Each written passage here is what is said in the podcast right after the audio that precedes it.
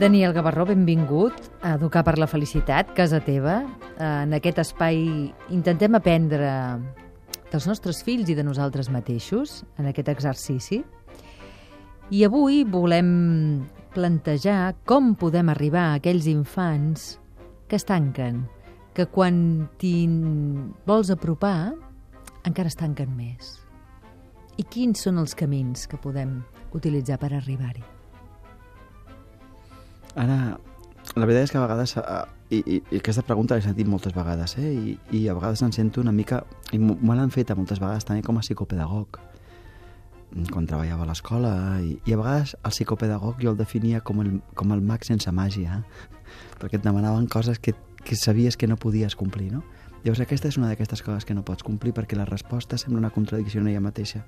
Només pots arribar als infants que no deixen que s'arribis seient al costat i no volent arribar.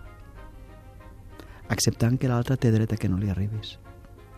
Acceptant i respectant que l'altre necessita un temps per acabar de pair alguna cosa que està païnt, per acabar d'acceptar que obrir-se no és perillós, però quan més t'aproximes, quan l'altre no vol que s'aproximi, lògicament l'altre s'ha de tancar més.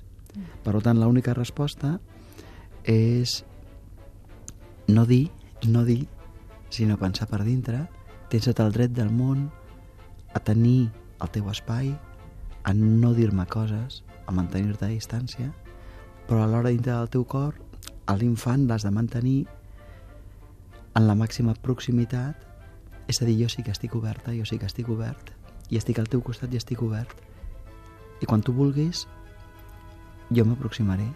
Però si tu no vols, mantindré una distància perquè aquesta és la proximitat que tu necessites ara.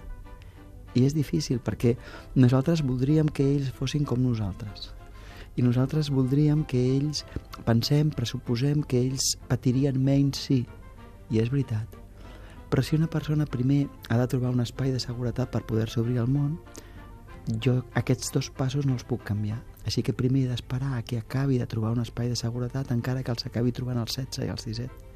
Als 18 no passa res més. Tenim molts anys per endavant, eh? Ara, si tu, jo el puc mirar al meu fill i dir-li ja ho saps, eh, que estic aquí. Mm, I ja està.